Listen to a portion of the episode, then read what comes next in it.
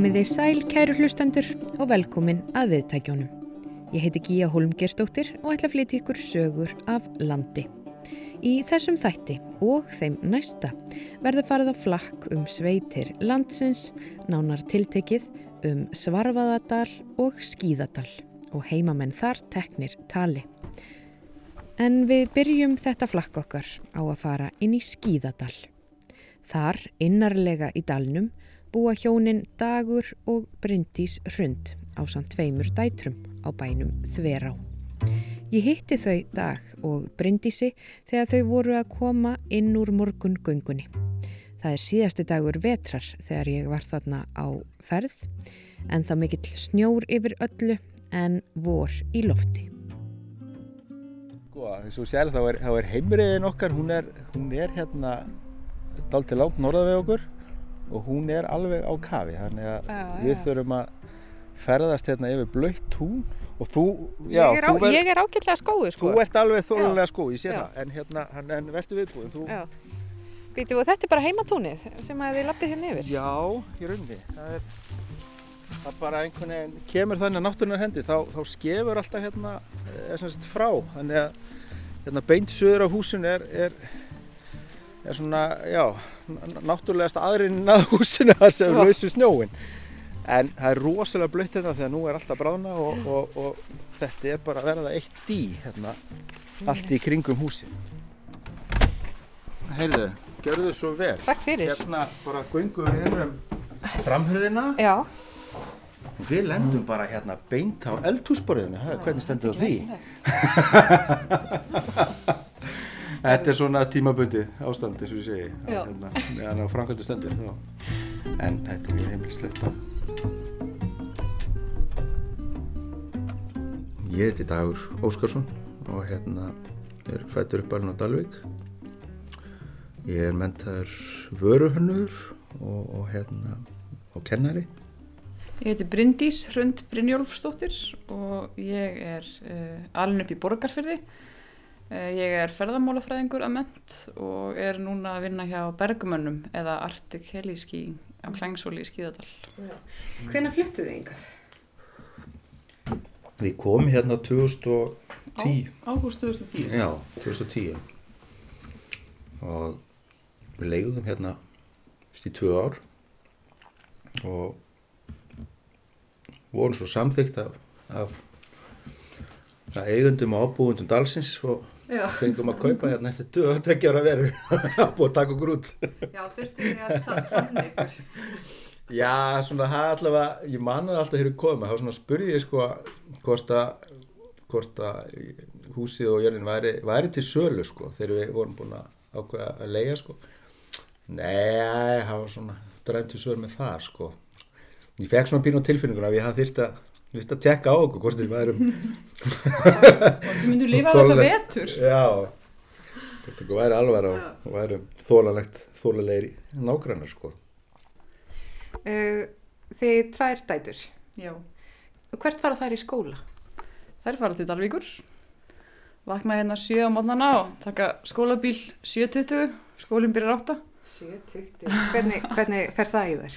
Já, það er svona mis, misveður. Við þurfum að reyna að láta þær fara að sofa klukkan 8.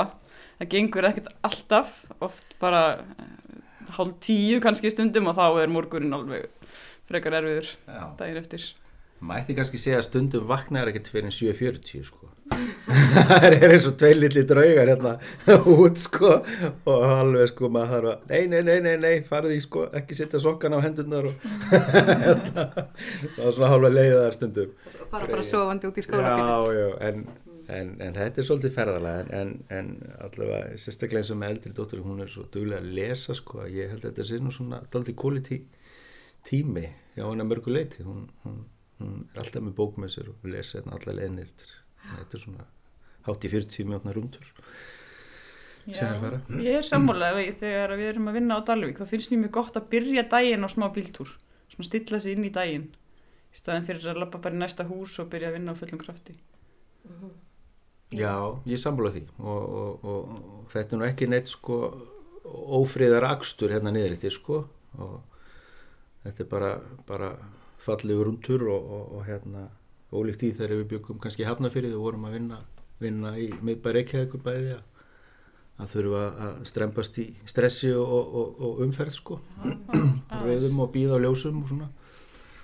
En hvað var það sem að fekk ykkur til þess að, að já, þeir bygguð þarna í hafnafyrðinum og, og hvað fekk ykkur til þess að svona, já, taka pínu uppeyju í lífinu?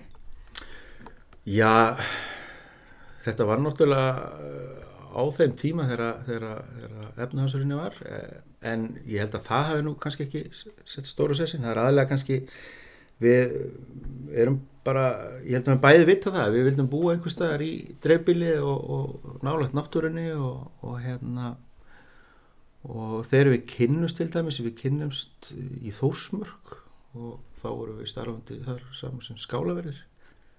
Og þannig að það var held ég aldrei spurningin. Spurningin var rauninni bara hvert við færum sko, út á land. Og uh, þegar við varum búin að sækja okkur uh, klá, ljúka námi og, og, og klára það. Já, og þá er þetta einmitt eigum við að velja einhvern stað sem við þekkjum aðeins til á eða eigum við að fara á stað þar sem við þekkjum yngan á. Mm. uh, en þar sem við áttum þá eins og hálsórs gammalt batn á þessum tíma þá fannst okkur nú svolítið notalega tilöksun að fara í umhverju þar sem það væri frændi og amma og afi og, og einhverjir vinir svona sem áttu börn á sama reiki. Í nákvæminu En þeir eru nú bæðið svona útvistar fólk þetta lítur nú að vera svona útvistar paradís hér, eða hvað? Það, það er það. Og, og ef maður er hrifin af snjó þá er þetta hinn fullkomni staður mm -hmm. því að hér setjum maður bara gönguskíðin á sig bara fyrir utan hurðina og fer á stað. Og svo fjallarskíðin það eru brekkur hérna alveg bara við húsið sem að, sem að hægt er að fara upp og renna sér niður. Það er náttúrulega algjör forréttindi sko, allt ég alltaf hef alltaf verið sko, ég menna frá að ég man eftir mér eftirmilnustu vetunum voru þessi 95 og eitthvað þegar snjóþingslinn voru sem mest og manni fannst ekkert skemmtilegra sem barna heldur en að klæða sig vel og setja á sig skíðagleru og bara fara út í hríðina sko. Bara, ég veit ekki hvað það var. Og, og hérna og þessar minningar um sko kæft fullan bæin á Dalvik og, og, og hérna skablar bara upp fyrir húsþökk og allt þetta. En og ég bara, ég er ennþá þar svolítið sko, mér finnst þetta aðeinslega gaman en þetta er óttarett bras, ég hef aldrei á æfinni mókað eins mikið snjó eins og ég vetur. Mm. og það eru bara ég held að það veri fyrra dag sko sem ég náða að sprengja hérna snjóskablin hérna upp á milli húsana sko, þannig ég kemist upp undir hlöðu sko. Þannig að, þannig að þetta er og, og, og takturinn hér er rauninni allt annar heldur en er á Dalvik skilur það þegar það er bara komið vor og þurrar götur að verða og svona og þetta eru snjóri í görðum og svo leiðis en, en mér svona bara á pínu sko, ég á Dalvik í gæðir en, en hér aftur er maður bara í vetri að þá skilur ég er ekki búin að stilla að vinna voru sko, alveg nema bara sóluna eða sumari En það er nú svona voru í lofti samt, hérna, er það ekki, pínu? Jó, jó. Huglarnir eru að syngja, við erum búin að heyri Lóu og Jæðarakan og Rósagauk. Ég heyrði Rósagauk í fyrst gett í gær. Stelkurinn var að vappi úti á það. Já, og ég heyrði í söður, heyrði í jónum úr söðri, þannig að það er sælugaukur í ár. Nú, nú, og hvað því það? Ef maður heyrir í Rósagauknum úr söður átt, þá er það eh, til sælu. Já og sæla já. Ég held að við eigum það all inni það hafa þetta bara indislegt sumar. Alveg klálega ha. ég myndi segja það það verður allir búið að glæða með gott sumar í ár. Já. ég held þetta haldist bara í hendur. Harðuðu vetur og gott sumar? Það er bara híng og jang en taland um göngurskýði þá stopnaði þú nú svona já, ungmenna, það er nú ungmenna félagsandi sem að svífur hérna yfir vötnum eða hvað Já, svo sannarlega sko. Ha, ég hérna já við svona já, ég vil ekki kannski segja að hann stopnaði en, en já, við stopnaðum sem sagt göngu skíða deilt í nafni ungmennafélagi sem skíða sko sem að ungmennafélagi skíði á, á, á, á sögu hérna alveg aftur til eitthvað í kringum 31-2 held ég 1900, 1900 og svona eitt af því sem er og okkur finnst svo skemmtilegt og merkilegt er það að hér fyrir ofan bæ er pínu gemstætt sem að fái vitt af. Og það er félagshús ungmennafélagsins skýða sem áður stóð hérna niðri við, við veg. Og það var, það var byggt af félagsmönnum hérna í sveitinni, okkur ungumönnum og konum uh, að mig minnir 32 eitthvað svo leis en síðan leggst ungmennafélagi af uh, 54 eða 6 og þá er þetta hús flutt hérna upp fyrir og nota sem bara griphús en varðveittist þrátt fyrir það ótrúlega vel. Og það er nú svona draumur hjá okkur að setja mér að endur ekki þetta hús og, og ég vil færa það nær sínum upprunlega stað. Og hugsa sem svona samkomi hús lítið og þetta hús líka það, hérna, það sem sagt, uh, þjónaði sem fyrsta skólahúsi hérna í sveit sko, hér var kent en bustið frá því þá hérna var nú upptækið það að fyrir nokkur um árið þá, þá smíðaði ég svona uh, lítinn spora, það, til þess að búið til gönguskíaspor sem ég dró hérna á Vélslega og ég held sem það er fimm år síðan. Eh, var nú hugsað fyrir okkur bara því að indislegt að njóta þess að geta gengið í góðu spori hérna um dalinn. En síðan einhvern veginn vatt þetta svolítið upp á sig og, og, og hérna þetta fór að spyrjast út og, og maður fór að uh, fá fyrir spurning svona ef maður hitt einhvern í búðinni og svona nýra á Dalvik sko, hvort það væri nú ekki spór og hvort þetta ekki að fara að leggja um helgina og svona, hvort það getur komið þannig að úr varða við bara fórum að auðlýsa þetta og bara fólki að kostnaða lausu og hérna og þetta hefur bara svolítið svona, já eins og segi, undið undi upp á sig og, og, og það má segja að hafa verið alveg með þáttaka í vetur. Og hérna sem að er bara indislegt að, að hérna, það hefur verið rosalega aukning í, í gönguskeiðasportunni Dalvík er ekki nafntógar sem gönguskeiðabær, hér hafa aldrei verið, eða ég ætla ekki að segja aldrei, en hér hefur verið lítið um til dæmis þáttækandur sem er að keppa á gönguskeiðum eða, eða yðka gönguskeiði í, í þeim tilgangi, ólíkt kannski bæðanum í kring. Uh, en í vetur þá, þá bara var ásóknin ótrúlega mikil hérna í sporið og, og, og við byggum til hóp svona bara á Facebook og, og hérna og fórum að auðlýsa lagningu og, og svo leiðis og, og höfum verið með smá viðburð byrjum hérna til kjötsúpu og, og svona. skemmtilegt þannig að þetta er, þetta er bara lítið skemmtilegt samfélagsverkefni og hérna og bara já, það bara gefur okkur óbúslega mikið þegar við, við fáum svo miklu ánæði frá fólki í staðinn og fólk er svo ótrúlega þakklátt og velvilja að mér þess að það verið skilja eftir hérna fiskur eða eða bensinbrúsi til að setja á sleðan og alls konar dót sko og, og, og jafnvel. En, en og ég segi þetta, þetta ágætt að kosta neitt og, og hérna Já. Hvernig er þessi jörð þverá? Þið búið að þverá í Skíðadal uh, Já Hverju bygguðu náður og hvernig kemur að þið takkið við? Uh, sko jörðin hefur ekki kannski verið já, hún var ekki ábúð Uh, hún hefði verið nota áður en við komum hérna þá hafði húsirinn í staði vitt í tvö ár þetta hefði verið nota sem, sem bandagisting e, þar áður var ábúandi hérna sem að nú landskunnur, Bernd Ódrygg sem að er hérna hvernig sem að ber það já, fram ber það fram, já, ég, já, já, Bernd. Bernd bara sem er nú, er hérna leikbrúð smiður og, og starfar í þjóðleikusinu og, og hérna viðar og hann var hérna þau, hann og Hildur og, og þau voru með vestæði hérna og, og, og gerðu út hérna þó að hann var að sína í þjóðleikursunum ég var að vinna í þjóðleikursunum tíma á þessum sama tíma sem er svolítið skondi sko. uh -huh. þá var hann að koma að norðan með, með brúðuna sínar og sem hann hafi smíðað hér Það er svolítið skemmtileg tilvæli Já, það er aldrei fyndið tilvæli sko. ég starfaði þá í leikmunadildin í þjóðleikursunum og hérna kynnis Bernd þá um Já, svo er þetta til og ég, svo flytt ég hinga og, og hann er farin söður. Hefur hann komið í heimsókn? Já, hann hefur gert það og, og hérna, já, það, það, var, það var mikið, það var tilfinninga, ég, ég fann það, það var mjög erfitt fyrir hann, mörguleit, hann, hann, ég, ég get alveg leitt mér að segja það, hann, hann, hann saknar, saknar skíðadalsins og, og hérna, og hann, já, Ég, ég fann alveg mikla tilfinningar í honum hann er komið hann í tvíkong ég get alveg skilið það, ég hugsa að ég, ég myndi líða eins ég myndi flytja í burtu. alveg klárlega alveg eins. Hverjar eru svona áskorunir að taka svona verkefni að gera upp gamlan bæ?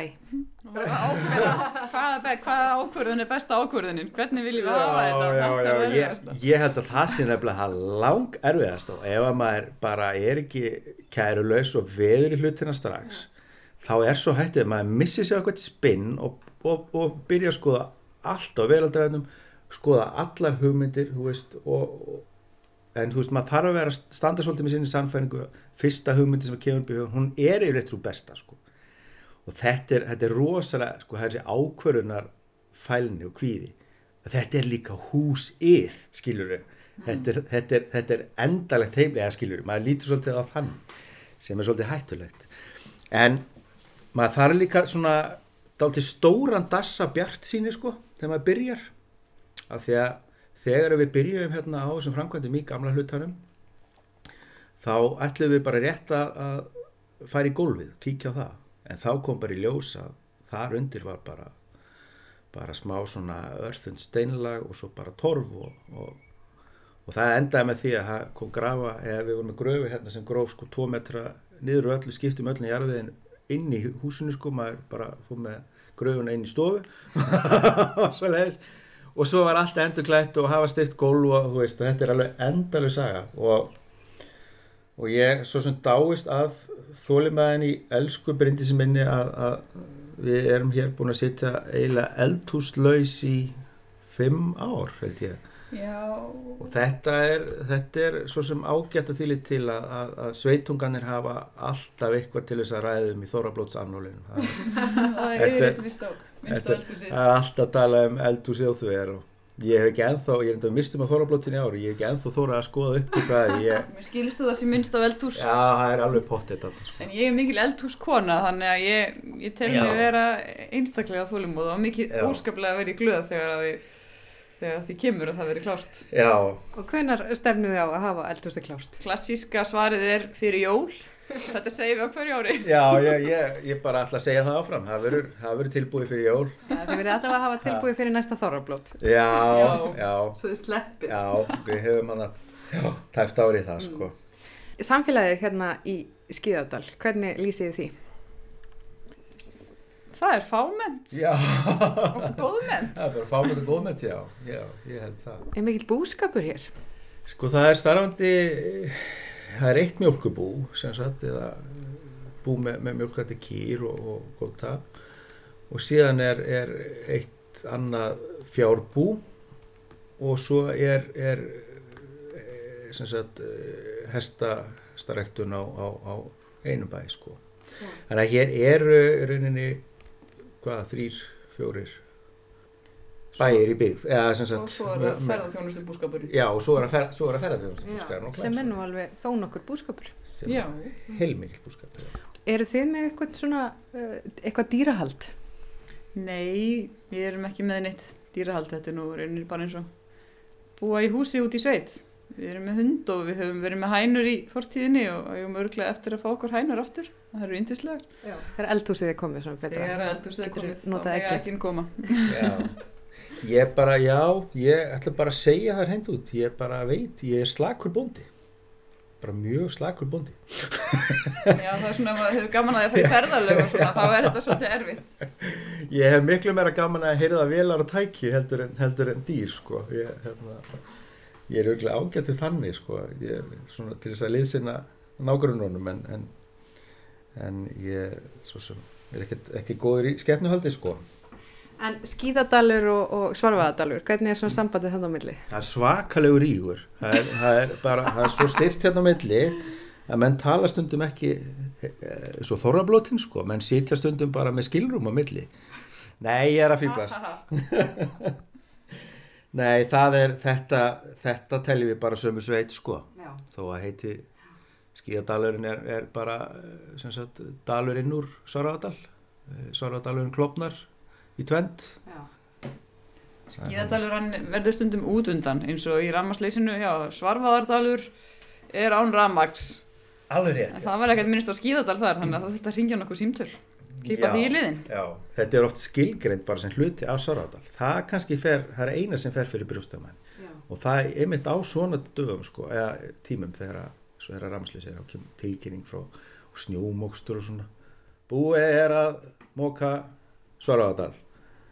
Er það að tala um skíðadal líka eða skilur við? En er þá yfirleitt búið að móka skýða þetta líka? er bara svona- Já, já og nei, skilur, það getur verið að begja í báðarætti, sko.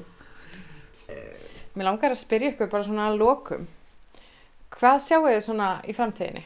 Hver, hvert stefniði? Hvað eru draumandir ykkur? Þetta er stór spurning, ég Já. veit. En... Og, og, og stóra, einfalda viða svari er það að bara að geta búið hér áfram, geta haft lifibrauð og starfa frá þessum stað í hvaða formi sem það er. Um, og það er náttúrulega bara svona kannski þessi, hvað ég segja, þessi svona samfélagsmála að, að hérna að þurfa ekki að vera í barátti fyrir því að fá sko viðkenningu og réttskilur fyrir því að fá samgöngur, rafmagn eða einhverja, einhverja skiljiði að maður, samfélag hugsa ekki eða, sagt, eða yföld hugsa okkur sem eitthvað svona eh, einhvern útnára, afnára skilji ég veit það ekki. Ég meina við erum komið ljósleður hinga og við höfum, höfum alla burið til þess að sinna öllu starfi skilur hérna þannig um, hvað segir Vins, er ég búin að tala mig í ring? Nei, Nei þið skilir hvað ég á við ég meina það er, það er sem ég er reyna að koma að að, að hérna, svona maður finnst stundum eins og, eins og já, það sýtt ég svona á hakkanum að æ, það eru bara hann einhverjar örf og hræður hann, skilji það er ekki að fara að hendi í þetta eitthvað. Vesenni sko. En það eru heilmikil tækifæri hérna. Það eru óbúslega tækifæri og þetta, þetta er náttúrulega ef fólk, fólk, já ég meina, með réttu þá, þá, þá skipta þessir útpóstar samfélagin miklu máli, skilur við Já, ég, ég held bara það sem mikilvægt að, að fólk búi uh, allstaðar á Íslandi og að börn fái að kynnast uh, náttúrunni. Því þá eru þau líklega til þess að vilja varðveitana þegar þau verða eldri og svo eignast þau börn. Þannig að ég tel mér það skilt að kynna mín börn fyrir náttúrunar gæðum.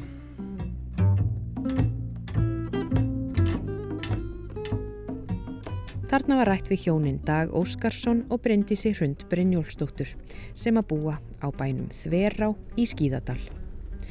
Og þaðan höldum við á næsta áfangarstað, keirum út Skíðadalinn, fram hjá Tungurétt og beigjum til vinstri, síðan til hægri í áttina til Dalvíkur. Þangað til við komum að heimreiðinni niður að Stein Dyrum, bæ í utanverðum Svarfaðadal. Góðan daginn. Það er blessu blíðan. Ég heiti Gunnildi Gilvardóttir og bý á Steindurum í Svarfaðardal. Eh, Við búum hérna ég og maðurinn minn, Hjálmar Herbertsson, við eigum fjögur börn. Þau eru svona ímist flutt að heiman eða aðflytja að heiman og allir er fullorinn. Og hérna eins og er býr e, búa tveir sinnir okkar hjá okkur og tengdadóttir. E, Við erum hérna með kópú, 350 lítra kvota í mjölk og 100 kýr og slattarhorsum, ei, ekkert svo mörg. Nokkra geitur, hænur og hunda og ketti, bara allt þetta sem fylgir vennilegri sveit eins og okkur finnst. Já, þeir eru með geitur. Það er nú ekki kannski algengt.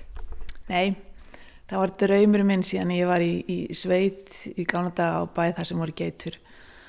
En hérna, bóndin á næsta bæ sem að við, e, hérna, sem var með kindur, við vorum ekki með kindur hér á okkar bæ heldur, heldur voru kindur hérna á bænu við hliðin á okkur sem við keftum svo 2005. En bóndin þar vildi alls ekki fá geitur þegar ég var að reyna að fá hann til þess að fá sér nokkrar geitur bara fyrir mig og, og smá hobby. Hann var ekki alveg til það, fannst vondlíkt að þeim og fann þeim allt í fóróttu. En um leið og hann uh, seldi okkur kindurna sínar og, og, hérna, og við vorum búin að kaupa fjárhúsin áður, þá greip, greip ég tækifæri og, og fekk mér þrjár höðunur og síðan er ekki aftur snúið. Það eru mjög skemmtilegar. Hvernig er að eiga geitur? Svona, já, virðaðar eitthvað girðingar eða hvernig er þetta? Já, það er virða gott ramagn. Þannig við pössum bara á vorin þegar það er að fara út. Það sé gott ramagn á hólfinu þar sem það eru. og síðan er það bara farnar upp í fjall þegar, þegar við leipum við þá sjáum við það ekkert fyrir að við náum við þér á haustin pössum að það sé brauðgjafar og, og vilji fóðbæti þannig að það er vonlist að reyka þær þannig við sækjum þær við, sagt, það er eld okkur heim.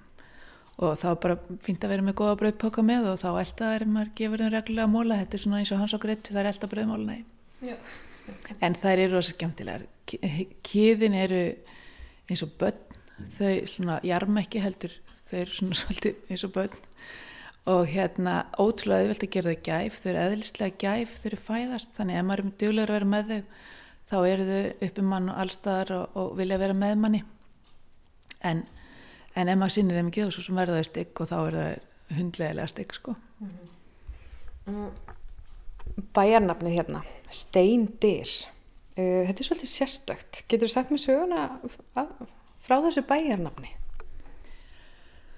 Í, já ég held það, ég kannski vita einhverju mér fjáróðari menn eitthvað betur en það sem við næst komumst og erum búin að lesa um þetta bæjanafn þetta er náttúrulega alveg frá landnámi þess að hér e, e, við erum, þessi, þessi bær er, er í Svardalsögu þar sem að hérna hér bjóðsósum ekki, ekki skemmtilegu maður kannski sem hétt Grís með tveimur essum og hérna En bæjanafni skilst okkur að sér dreyið hérna á gílinu fyrir ofan, uh, ofan bæin sem er alltaf kallað steindri gíl en í steindri gíli rennur þverá sem er, sem er næsti bæraftur við liðan okkur og dalurinn hérna fyrir ofan hérna nefnist Bakkadalur, þetta er uh, kent allt þetta í sittkurum bæjanum og Bakki er aftur bærin sem er, er norðan við okkur þar sem Bakkabræður eru frá.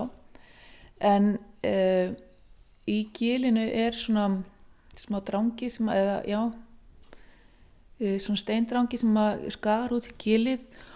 Og það er, eru steindirnar, það sést ekki ákveðin stað, ef maður stendur hérna fyrir ofan, þá sést ekki inn í gilið og ekki út fyrir því ef maður eru komin upp fyrir.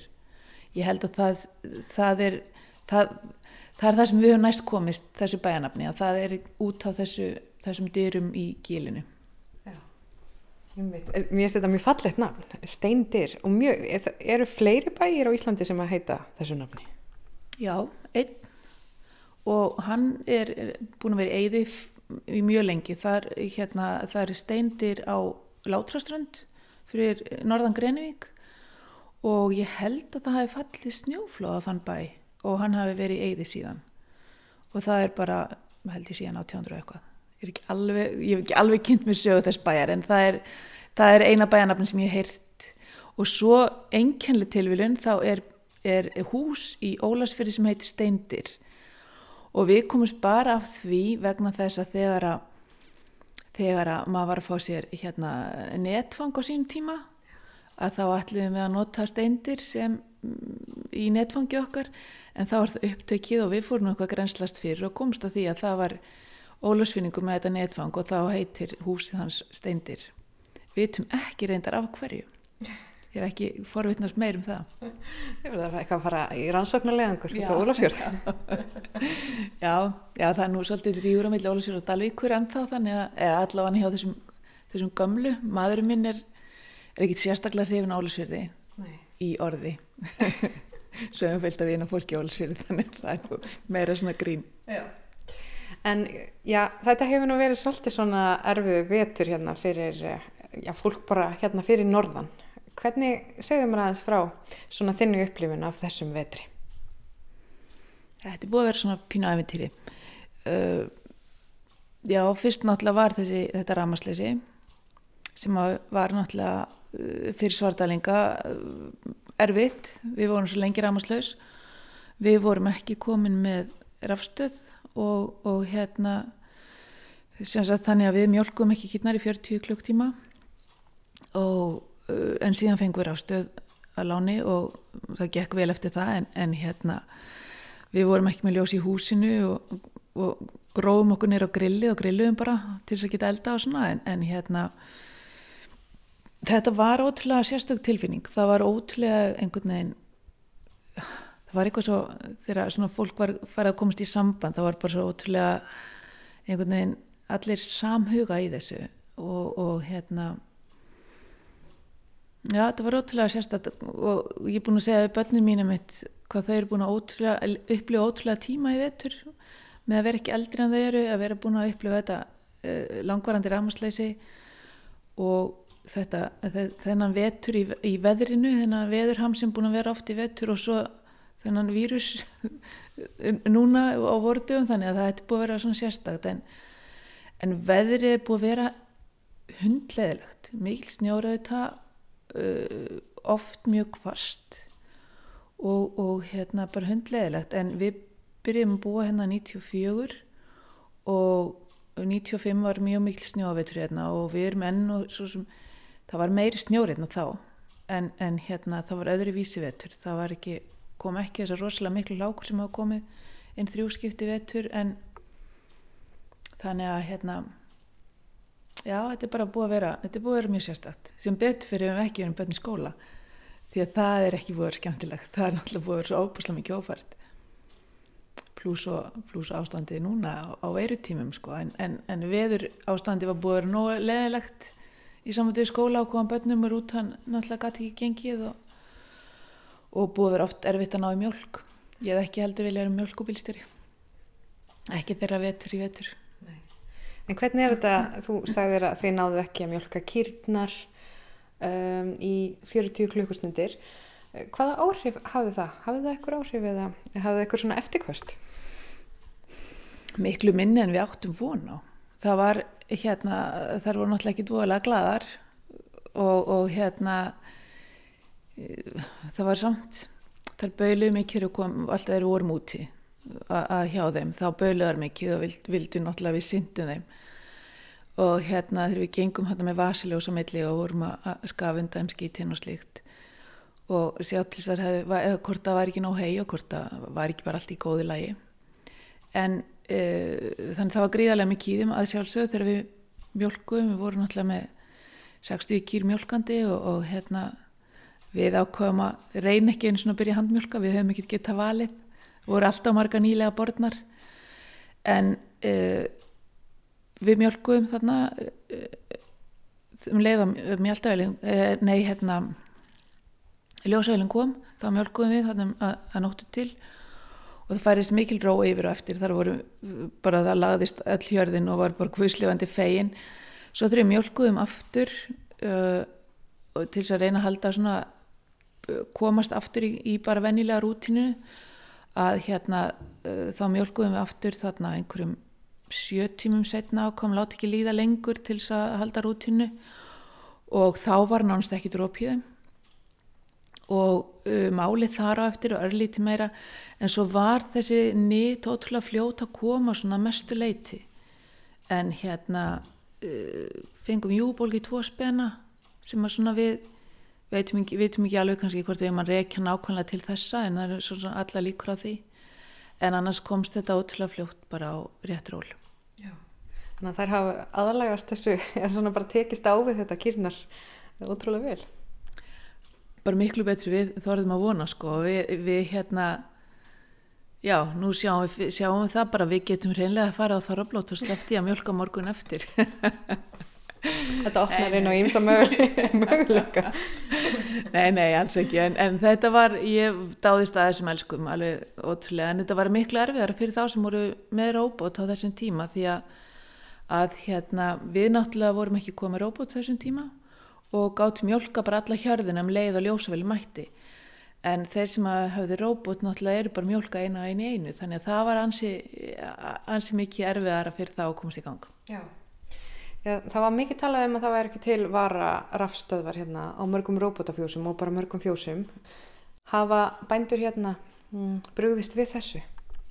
Já, margir eru búin að kaupa sér rafstöðar en búin að sem eigafjörðar og landsmátt kúabænda og fleiri aðlar það, var farið í stort útbúð eða semst já og hérna menn gátt verið með því og þetta voru sapnust um 100 mann sem ætlaði að verið með þessu útbóði að kaupa nýjar afstöðar og uh, þetta var nú svo svona flóknar en reiknaða með því að það eru margar, margi vildi verið með í, í, í að gera tilbóði í þessar afstöðar og þurftu náttúrulega svolítið að kanna gæði og, og, og bara að vera vissum að fyrirtækin gæti þjónusta þetta svona ef þetta fær að bila. Þannig að þetta er svona búið að taka lengri tíma reknaða með og svo náttúrulega kemur þessi vírus og við veitum að svo sem kannski akkurat núna er, er verkefnið á svona svolítið skrítnum stað. En, en hérna ég rekna nú með að þetta verði bara klára þegar ástandi í heiminu verður almennlegt og þá komið þessar ástöðar sem að, sem að Já, ég held að verði svona nokkurnu einn komin niðurstað um hvað er því keft og, og, og bændum báðinir þessi gripi til sölu og, og ég held nú að allir meira minna síðu að fara í, í rafstöðar sem er með róbota og náttúrulega voru mjög margir komnir með það. Mm -hmm. og hérna, jafnvel alveg minn fara lítil heimili bara að fá sér rafstöðar bara sem að kostar ekki augun úr til þess að geta haldið hús hitt hannum gangandi allavega. Já. En svo náttúrulega líka bara svo sem núna ef illa eh, færi að þá vitum við hvar eru til rafstöða, hvar væri hægt að reynilega lei, leia þær og, og, og, og redda sér í einhverjum skam, einhvern skamman tíma því að það er miklu meiri til að rafstöðum heldur en maður gerir sér grein fyrir. Mörg fyrirtæki eiga svona sem eru í, í ákveðnum aðtunurrekstri þannig að það var miklu meira á þessu til heldur en nokkur, nokkur mann grunaði held ég. Já, já. Og hlupu þá fyrirtækin uh, til og, og buð ykkur afstöðar eða hvernig fundið þið þannig að samfélagi hjálpaði ykkur þegar þess, þessi veður ofsi gekka á og, rámasleysið? Já, það var algjörlega ótrúlega flott sko. Við hérna, við reyndar akkurat hér við lendum því að vera sagt, við vorum við vorum rámaslaus, við vorum símasambanslaus og við vorum netlaus þannig að við vorum alveg sambandslaus við umheiminn e, e, hér og, og dalitnir hérna fram að við okkur báðir því að við náðum, því að við hefum endvarpstöð hérna í, í kvarfinu hún var úti. Sem sagt batterið þar döði bara einhverja fimm tíma eftir að var rámuslaust þannig að þá eruðum við allslaus. Þannig við vorum svolítið erfiðleikum að ná til fólks og vita hvernig ástandi væri yfir höfuð bara í kringum okkur og, og annað. En við börnumst hérna á, á dráttavel í, í skýtaveðri þarna á miðugudegi og fórum nýri Björgunsveit og spjöldum við þá og þá heyrðum við að, að, að, að e, það hafiði til dæmis fólk vissi svo e, ekki strax að við værum orðin svona sambandsleis við umheimin hérna framfrá. Það datta engum í hug. Uh -huh. fyrir að það var svo búið að finna út að það var ekkit það var engin að hérna geta sagt neitt hvernig ástandi væri í dölunum, bara hvernig, hvernig veri væri og hvernig fólk hafi það, þannig að það var nú búið að finna út að það var alltaf rámaslaust, nei, hérna símasámaslaust og, og netlaust, en e, Björgunsveitinu var strax farin að, að skoða eitthvað í sambandi við rafstöður, hvernig mjaltamálu væru og við erum svo heppin að bæjarstjórun okkar en hún líka sveitakona og, og hún til dæmis var ofsilega meðutum bara þarfir bænda í þessu ástandi. Þá ástandi væri náttúrulega allt í steik á Dalvik líka sko en eh, hann Sigurger Hrísóli Sigurger Hrinsson, hann er framkvæmstjóri búna som segjaferðar hann hérna var komin í, í stjórnstuð á Akureyri hérna hjá Björgunsettin þar og, og hérna stjórnstuð almannavarna. Og hann var náttúrulega mjög fljótur að gera sér grein fyrir ástandi væri eh, slæmt og, og e, Björgunsveitin á Akureyri eða í samstarfi hann þeir sagt, hafðu sambandi við fyrirtæki á Akureyri og einhver fyrirtæki hafðu bara samband af fyrrabræði og það var þannig söpnuðust rafstöðar sem voru kerðar hérna út í dalinn og á einhverju fleiri staði. En hérna og við letum að vita að með þessu þyrti náttúrulega að fá rafvirkja því að menn kunni ekki tengja ráfstöð við kerfið sitt. Þannig að það var bara gengið í þetta það kom bara, kom bara menn Björgunsveitin kom með þetta uh, kerandum sveitina það kom menn á flesta bæi með til þess að tengja þetta inn á kerfið og koma þess í gang. Og þetta var bara frábært þetta var svo ótrúlega uh, mikil samhugur og, og, og hérna, fyrirtæki bröðu svo flott við og, og hérna bara þetta var bara frábært sko það sem ég kannski mest út á að setja það var að rúftat út og, og hérna við höfum ekkert nema langbylgina og langbylgjan er komið fréttir klukkan 6 á kveldin og svo ekki fyrir 10 þannig að við mistum að fréttum klukkan 6 langbylgin og þá þurftum að býja til 10 til að heyra bara hvernig ástandi væri á landinu yfir höfuð, þú veist, maður var svona pínu svektur og það skildi ekki vera svona einhver neyðar áallin á langbylgi að þú veist að það væri fréttir þar á klukktíma fresti þegar eitthvað svona gerðist af því að það var náttúrulega ótrúlega stór hlut á landinu bara í ruggli sko. Og svona meðan við heyrðum fréttir þá var alltaf sagt já, nánar þetta á rúpunduris og maður bara, ó, við erum ekki með net og, og, og vissum ekki. Svo náttúrulega, við, við okkur dætti einlega ekki í huga að við myndum missa sko útvarpi nema langbylgi sko. Þannig að þetta var og bara það til dæmis að við vorum svo, sko, svo bara í ramasleysi og þetta er inn í einan gýr maður bara, ok, setjast bara niður og fáum okkur pop já, nei, við popum ekki. Ok, svo, svo, svo lappaði maður inn í búr alltaf, þú veist, bara eins og dagstæðilega og alltaf reyndi maður að kveikja ljósinn, þú veist, við vorum við rámaslis í daga, ég held í sko tvo daga hafum við ennþá verið, verið að reyna að kveikja ljós, en hérna, við vorum sko, hérna, við fengum svo endanum varafl í hérna fjarskiptið, þannig að við vorum ekki síma sambandslausnum að hann einhverja tvo daga eitthvað slaus, en hérna, uh, þegar það loksins var að detta inn þá kvektum við á flestum bæum bara heyri byttu já er allir talstöðar við hefðum getið haft sko talstöðar samt á milli bæjana það var nefnilega svo bagalegt að, að sko Björgunsveitin þurfti ekki keira bæja bæ til þess að veit hvernig ástandi var að það var ekki hægt að ringja í fólk. Og en, en hérna við, það kveikt engin á perinni að þú veist að það væri hægt að kannski að reyna að ná á milli bæja með talstöðum. Því hér náttúrulega fara allir í göngur og allir eiga talstöðar sem eru notar í göngum. Og við hefðum náð alltaf, ég hefði náð á einhverja bæja og þeir hefði, þú veist, við náðum náttúrulega ekki á milli ef það sérst ekki á milli. Eða illa allavega en þannig að við hefðum alltaf geta komið skilabóðum sennilega svoleiðis á alla bæja þannig að núna er einlega búið ákveð það að, að ef það svona gerist aftur þá fara allir á rás fjögur á, á talstöðinu sinni og þá getum við haft samband á milli bæja. Þannig að þú veist að kviknar alls konar perum í svona. Ja. ég held líka að fólk hafi búið ótrúlega lengi rámaslist og þannig að fatta að nota grilli sitt. Eða bara myndi eftir það ætti kannski gamlan prímus út í bílskúr eða, eða, eða nota pallahitran til að hita í stofinni eða eitthvað þú veist það er bara svona bara fólk er svo lengi að kveikja við erum svo ótrúlega háramagni sko þannig að það var einlega Þannig að samfélagið hefur lært töluvert af þessu. Þannig að ef eitthvað svona gerist aftur, þá eru þau við öllu viðbúin. Já, ég held að það veri töluvert annað bræður á þessu ef þetta gerist aftur, sko, já. En aðeins bara um sveitina. Hvernig er svona hérna, já, landbúnaður í Svarfaðadal og, og Skíðadal, þessu svæði? Hvernig myndur þú lýsa honum? Ég myndi segja að það væri bara ótrúlega blómlegur. Bændur bara, hér hafa bara almennt tekið Eh, núna síðustu árin að það ákvörðun að vera ekki breða búi heldur halda áfram búskap og ebla búin og búa byggjan í fjós og, og það sem ekki hefur byggt þar hefur uh, mikið verið breytt langt flestir verið að koma með robot sem er svo sem ekki við mið en, en það er allavega búin er að stækka. Uh, við erum búin á riðisvæði þannig að það er svo sem ekki hérna kannski neitt blómlegur uh, söðfjabúskapur, það er ekkit reysastort söðfjabú hér.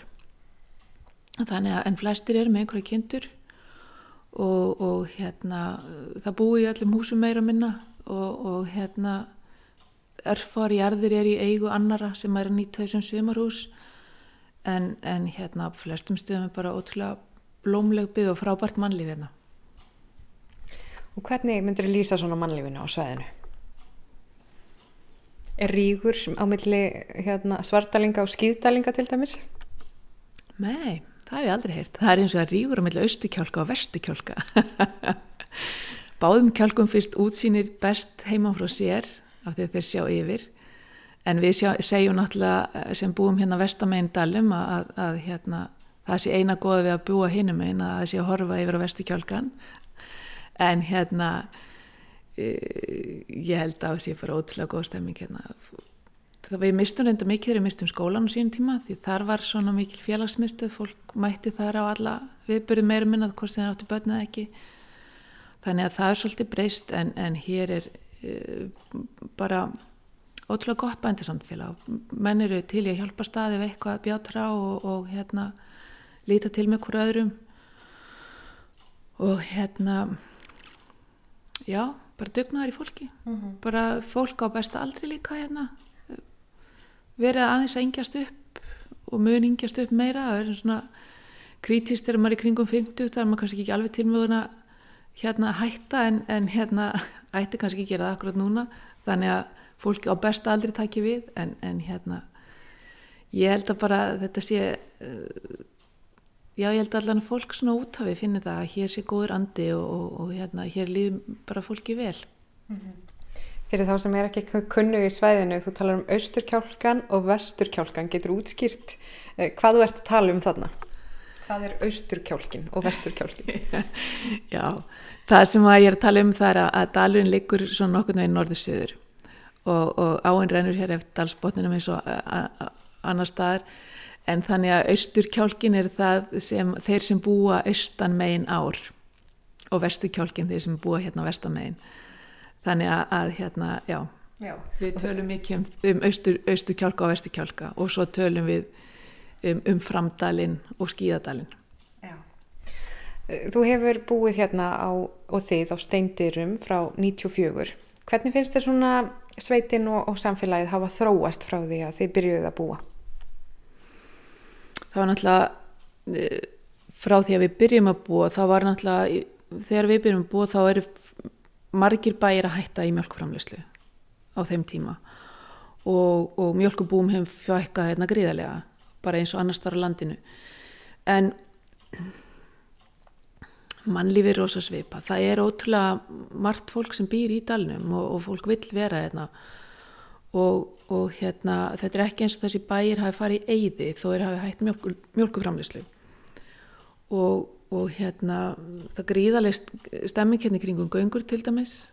Óbáslega margt fólk sem kemur þó að sé ekki margt fyrir hér þá er yfirlt fleira fólk en fyrir á réttinni og það skapast gríðaleg stemming í kringum það, fólk kemur ár eftir ár og, og vill vera hérna í kringum göngur og það er mikið sungið og mikil gleði og, og hérna við höldum réttarbal í pínu litli gamlu samkomhúsi þar sem þú ferði eiginlega innum aðra hörðina út um hinna til þess að halda svona streyminu gangandi. Þar dansa menn bara frá klukka nýju til eitt og fara svo glæðir heim og sofa, alltaf á sunnundaskvöldi og, og hérna hér er haldið ball á sumrin, hér er alls konar, veist, fólk er í kórum, fólk er í kvenfélagi, það eru endalisfélög og, og saumaklúpar og þannig það er svona, fólk er að hittast og, og hérna að hafa gaman og já. Já. Og hefur ferðaþjónustan svona aukist hérna? Þannig ferðaþjónustu búskapur?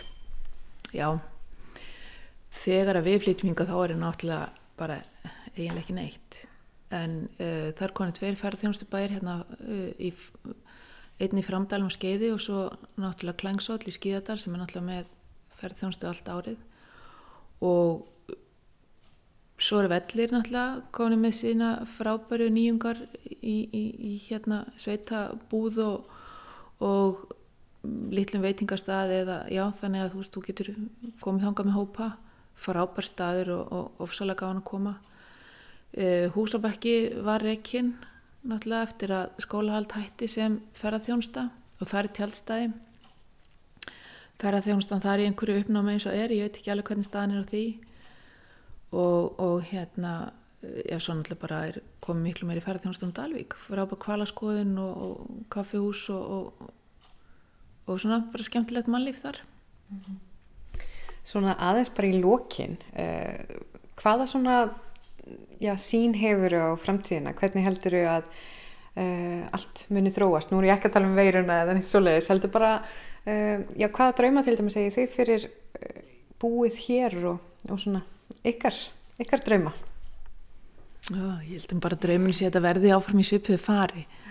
Það sé bara, það sé gott að búa hérna, ég held að, og, og, og Dalvíkubið er bara gott sveitafélag að búa í og hérna, þannig að það er indislegt að hinga vilja koma ungt fólk og vera hérna og, og búa hérna og gott að vera hérna börn og náttúrulega dásanlega fallegt. Þetta er öndu veginn íslenskra dala, við fyrir náttúrulega ekki ofan að því.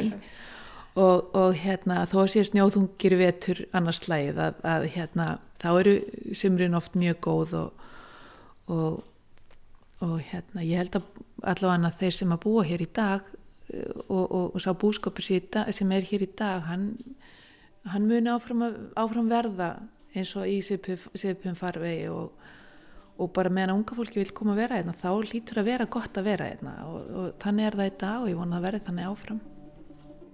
Þarna var rætt við Gunnhildi Gilvadóttur, bónda á steindyrum í Svarfaðadal.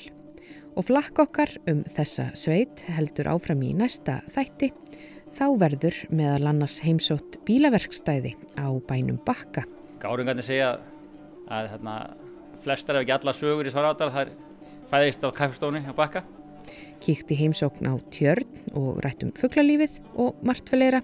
Held ég kannski að stelkurinn sé sáfugl sem að, sem að staðfestir það fyrir manni að vorið sé komið þegar maður heyrir í honum. Auk þess sem að ungir bændur verða teknir tali. Hugurinn kannski stemdi alveg hingað í bara þó nokkuð mörg ár sko en svo sem gerir sér ekki grein fyrir að þetta gæti hengt hann orðið að veruleika. En við þökkum fyrir okkur í dag. Tæknimaður í þessum þætti var Einar Sigursson. Við þökkum þeim sem hlýttu. Lifið heil.